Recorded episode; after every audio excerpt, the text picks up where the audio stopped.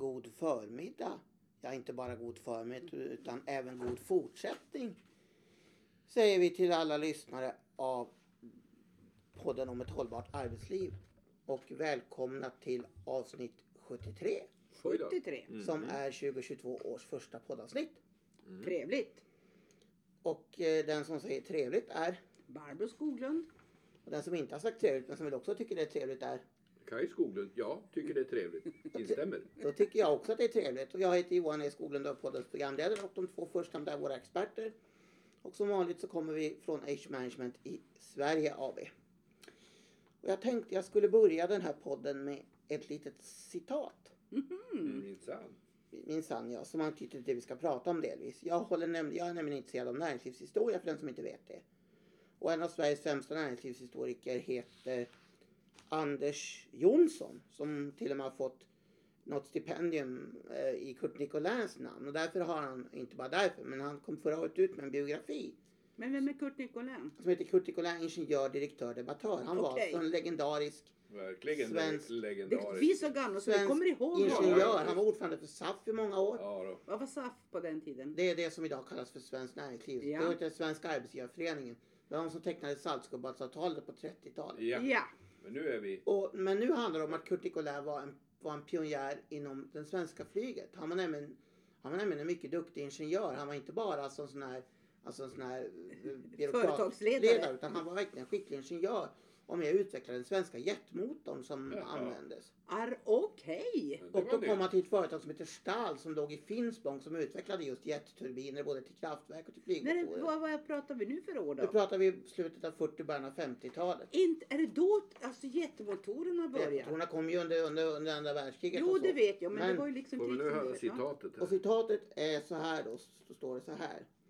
Ännu ansågs Kurt Nicolin för ung för att utses till ordinarie avdelningschef, även om han i praktik, nu i praktiken hade blivit det. Kurt utsågs formellt till chefsingenjör och chef för Stahls gasturbinavdelning 1950. Gasturbinavdelningen bestod huvudsakligen av nyrekryterade unga ingenjörer eftersom Stahl hade en tämligen åldrad ingenjörskår. Det handlade ju om att utveckla en helt ny teknik. Ja. Mm.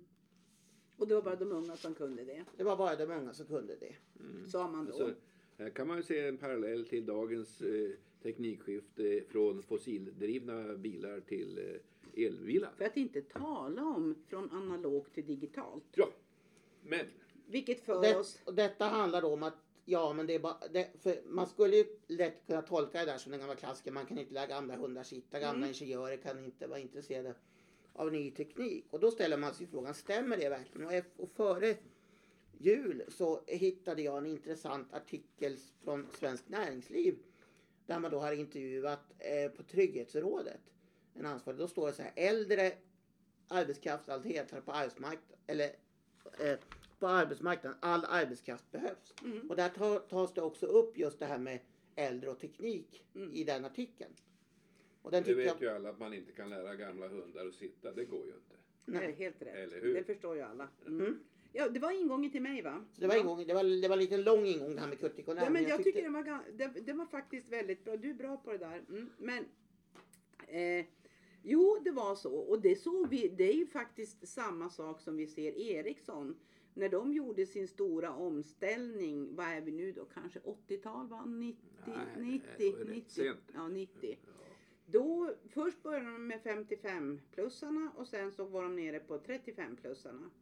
Eh, om, eller typ någonting Mm, sånt. Och då handlade det om kompetensfrågan. Alltså de, de som fick gå hade inte rätt kompetens för det utvecklingssteg som de var inne i. Mm. Eh, och det här är en av myterna.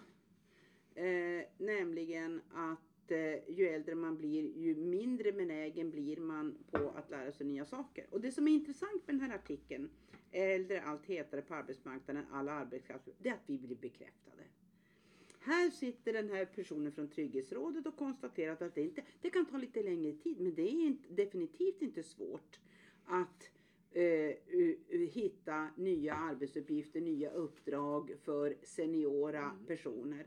Och det här att man ska alltså, jag för, de är ju kritiska till det här att man ska, det var lättare att förtidspensionera sig nu och så vidare i budgeten. Men om vi, om vi, om vi inte bryr oss om den delen utan att det, det finns alltså så, så är man tydlig här från både Svenskt Arbetsliv och från Trygghetsrådet att Svenskt Arbetsliv, du menar Svenskt Nej, Näringsliv? Svenskt, svenskt näringsliv. Vilket ju är intressant eftersom det var där eh, bra pandang där till kort. Jo, det var det jag tänkte. SAF, jag Vi förstår det. pratar om Svenskt Näringsliv. Var- Att eh, det behövs och man konstaterar att det är en personlighetsfråga säger den här trygghetsrådet. Är du nyfiken? Trygghetsråds... Du svalde där på slutet. Erika Sundberg från Trygghetsrådet. Trygghetsrådet. Ja. Rådet, ja. Eh, eh, det är en personlighetsfråga om man är intresserad av att lära sig nya saker. Och för övrigt menar hon på, och jag förstår att hon, de jobbar med den här mytbilden, ja men ju äldre man blir ju mindre intresserad är man av, av att lära sig nya saker eller framförallt digital teknik. Och då säger hon så här, vi har haft digital teknik så länge så det är inget nytt. Nej, Nej. det Och det, och, det, och det brukar ju du och jag säga personligen. Hur många, när vi var barn Mm. på 50-talet så fanns det inte telefoner i alla hem. Nej. Nej. Eh, och det fanns framförallt inga tv-apparater och det fanns, ja, det fanns en radio Mm. i bästa fall. Eh, och så vidare. Så att, jag menar teknikutvecklingen har ju, är ju gigantisk. Vi har levt och vi lever och fortsätter att leva med den. Jo men visst. Ja, Ja. och jag menar alltså det är inga konstigheter. Men det är intressant att myten finns kvar. Men hon menar på det att det, och det är tre kategorier då som, som Trygghets Antingen så går man vidare till andra seniora uppdrag eller så kan man starta eget. Eller så byter man helt enkelt Ja, ja. bransch. Därför det visar sig att eh, beroende på, på personlig erfarenhet som, som senior då Eh, så har, är, du, får du, en- är du en tillgång när arbetsgivare upptäcker det. Det vill säga du lär dig snabbt nya saker. Du, du vet, och du, det här då som ju finns i, om vi tittar på forskningen. Du är mer lojal Mm. och du, du, du, är, du är mer effektiv så att säga. Sen vet vi då eh, utifrån våra, eh, den, den finska forskningen att det är både och. Och det är därför man måste naturligtvis leta reda på det. Men som kompetens, alltså leta reda på de, de, de, de personer som, som passar just i den organisation där man söker ny arbetskraft. Eh, men de lyfter också fram naturligtvis det, det som vi ser, det vill jag bara innan du går över till, till din lite mer internationella exposé här. Alltså att kompetensförsörjningsfrågan är på agendan hela tiden. Vi ser den, vi är ju ute i många olika branscher du och jag med må- många olika, eh, vad ska vi säga, områden. Eh, på, på, både på arbetsgivarsidan och vi träffar fackliga och kompetensbristen är ständigt levande. Får jag komma in där? Det var ju faktiskt igår, Mm. Barbro, som vi satt med en person med ansvar i en mindre svensk kommun med ansvar för IT-verksamheten. Mm. Och då säger han så här till oss att ja, nu har vi pratat om det här med kompetensbrist och så vidare, men vi har ju aldrig haft några problem. Men nu i våras när jag skulle rekrytera efter en person som hade slutat. Som gått i pension. Gått i pension kanske till och med var. Mm. Det gick inte att rekrytera. Nej. Det är första gången det har hänt och då förstår jag på allvar. Nu är vargen här. Mm. Mhm. Och det tyckte jag var intressant. Ja. Och vi Och- ser det ju på fler och fler Ja, områden. och det, det inser vi, som, och vi har ju sagt många gånger i den här podden, vi var 20 år för tidiga. Mm, mm. Men nu, nu, nu är vargen här. Mm. Och, och den, den, vargen finns överallt i alla branscher på olika sätt och vis mer eller mindre. Och eh, oavsett om det är i storstäder eller, eller i glesbygd. Ja. Men då ska jag be att få tipsa om ett litet eh, radioprogram. Mm. Eh, Och det är faktiskt äras den som äras bör. Det är Johan som vanligt som hittar det här. Det är nämligen Ekonomiekot Extra heter det. Som har en sändning som finns på SR Play som man kan ladda ner. Då söker man på vården åldra, världen, vården åldras snabbt. Ja det kanske gör också. Världen åldras snabbt. Vem ska betala? Mm. Men, men, men får jag bara avbryta. Mm. Visst kommer vi att lägga in det på ingången till vår podd? En länk. En- Eller ett, en, en, en adress, kan man göra det? Ja, det kan vi säkert göra på... Jo. Ja, det vore väl klart så slipper man sitta och spåna om det här fem, men Mm. ja. Och här kan man tala om de som verkligen har generationsväxlingsproblem. Mm. Och då går vi till Kina. Så här står det i present- korta presentation av programmet. Det finns nästan en miljard personer över 60 år i världen idag. I Kina säljs snart fler blöjor för äldre än för småbarn. samtidigt som befolkningen är på väg att minska. Här hemma står skattebetalarna för nästan alla kostnader för 65-plussarnas konsumtion. Hur ska kalkylen gå ihop när färre ska betala för fler? Eh, och ja, nu var det väl en sanning med modifikation när man säger att här hemma så skattebetalar för nästan alla kostnader för 65-plussarnas konsumtion. Eh, det vi har ju i och för sig, om man nu relaterar till den offentliga delen av pensionssystemet så kan man väl säga att det ligger en del i det. Men det finns ju en stor grupp som har rätt goda tjänstepensioner. Och en koppling till det är ju, och det ser man ju även i Kina idag, Mm. en växande med, äldre medelklass. Klass, mm. Att där finns det en ganska omfattande köpkraft. Det här har vi ju diskuterat i tidigare poddar. Ja, hur, hur f- f- eh, framåtsyftande företag börjar rikta in sig på den här gruppen som är Och som vi såg- konsumtionsstark. Och som vi såg alltså för 20, när vi började med det här, glömmer aldrig när vi var i, i, i Berlin, mm. vadå 2000 någonting, 3, 2, 3 där i december, någonting sånt.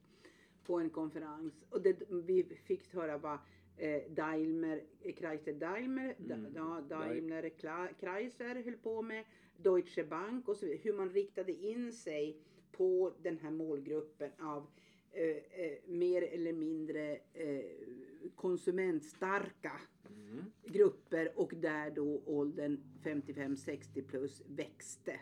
Sen måste vi också vara medvetna om att det är inte alla i den gruppen som är köpstarka. Men eftersom det är så många i gruppen så är det ändå så att som, som, som konsumentgrupp så, så, så blir, blir, de, blir det eh, en, en, en växande storlek. Det är klart att om vi förlänger, nu pratar man om 65-plussarna, går vi fram till 85-90 så blir ju konsumtionen av, av vård och omvårdnad väldigt stor. Och det är ju den, den kostnaden står ju det allmänna för i det system vi har. Men det här är ett väldigt bra, intressant program. Ja, blir, Det, dels är det en, en som jag tycker är väldigt bra som eh, eh, utlandskorre. Det är Björn Djurberg som är Kina-korrespondent. Ja, Han det är var- med. och han eh, förklarar här väldigt bra. Ja, Vi har ja. lyssnat på den och det måste jag säga, den är, den är alltså den är informativ och eh, lär, Mm. lärorik. Och sen vill jag också nämna en tidigare okänd förmåga för min del. En professor och föreståndare Mm. för Centrum för ekonomisk demografi vid Lunds universitet. Mm. Som heter Tommy Bengtsson som är väldigt resonerande. Mycket bra. Så att det här programmet kan rekommendera, det är värt de 27 minuter det tar att, att lyssna på.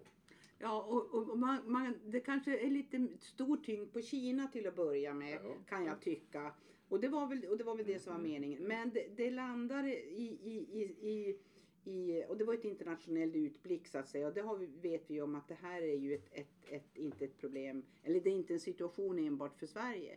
Men det, det landar då i resonemang kring, kring svensk arbetsmarknad och, och den här professorn från, Mm, från mm, Lund mm. är alltså väldigt eh, reflekterande utan, på, ett, på ett ja, tilltalande sätt kan man säga. Och i och för sig tilltalande för oss. Vi blir bekräftade även här. Ja. Tänk om vi någon gång skulle ta en podd där vi tar upp det som inte bekräftar våra... Eh, Varför ska vi göra det? För, Ja, för nu blir vi ju bekräftade Ja. varenda dag. Precis. Jag försökte bara vara lite motvalls. Jo, jag förstod Men det. till sist, det var ju också intressant att höra hur politiskt kontroversiellt det här med befolkningsminskningen i Kina. Den Ja. senaste stora folkräkningen, resultatet av den, den fördröjdes, jag vet inte hur länge, eftersom enligt uppgift eh, så, så kom man fram till att befolkningen håller på att minska redan nu. Och det var så känsligt så att man har skjutit, tydligen skjutit fram det där med när befolkningen ska börja minska. Så man kan väl säga att ettbarnspolitiken kanske trots allt var alldeles för framgångsrik ur, ur kinesiskt tillväxtperspektiv. För vi, Kina Mm. vill ju fortsätta att växa i alla Mm, avseenden. Ja, det var väl det hela för, för, för Den här gången. Nej, vi hade lite mer vi skulle ta upp. Har vi mer? ja, ja, just det. Fortsätt du. Jag tänkte fortsätta med några småkortisar på slutet innan, Ja, vi, innan vi Bra. stänger av. Det är bra. Eh, Det är ju alltid intressant att, att, lära, att lära sig lite nya ord kan man tycka. Mm. Nyord, ja. Och eh, dels så tittade vi på ett reportage som var i eh, Sveriges Televisions kulturprogram Sverige. Då det handlade om, hade intervjuat dels en man och dels en kvinna som är, båda är pensionärer. Men som ägnar mycket tid åt att lägga upp bilder på Instagram där de visar upp sina kläder. Mm, just det. Mm. Och då visar det sig att de kallas inte för influencers, de kallas för oldfluencers. Den har vi inte hört. Så det var namnet oldfluencer. Det är alltså en äldre person då som visar upp sina, de, i båda Ja, fallen men var jag det har läst om det där. Ja, Ja, Old ja, Francis. Ja. Och sen alldeles innan årsskiftet så fick vi ju den så kallade nyordlistan. Just det. Och ett av ordets nyordlist är, ny, nyord är person som fortsätter att arbeta efter att ha nått åldern för pension. Ordet som har tagits in på årets nyordlista är jobbonär. ja, Ja, men då sitter ju två av tre vid det här bordet som kan kalla sig för jobbonärer. jobbonärer. Mm, för, Ja. för några år sedan så kom det ju en bok s- som är skriven av en fredagsjournalist som handlade om de, de äldre som, efter, som inte eh, la sig ner på soffan och sov när de blev pensionärer utan som ägnade sig åt det de hade en pension för, till exempel välgörenhet eller hjälpte till extra på Röda Korset och sådär. Mm. Och då kallas de för passionärer. Okej. Pensionärer med en passion. Person, Och nu har vi jobbonärer. Jaha. Ja. Ja, det ser man. Och, det, och det, kan, det kanske är vi pensionärer. Ja, det är vi nog. Vi jobbar väl med det vi Ja, har vi är en passion ganska för. passionerade för det vi håller på Ja, med. det kan man väl lugnt ändå, påstå. Det kan Ja. man säga. Ja, Ja. precis. Mm. Jaha, var det färdigt med passionen för idag? Då var det det. Sen vill jag ta en sista sak. Jaha. Jag hade till en liten sak jag vill bara ta upp. Jag tycker finner det intressant.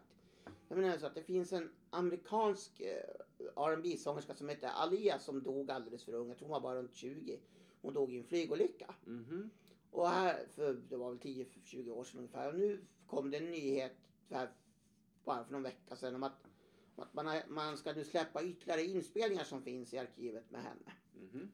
Och hon gav ut, hon bara gav ut en skiva tror jag innan hon dog. Och hon var väl 15-16 när hon gav ut det albumet.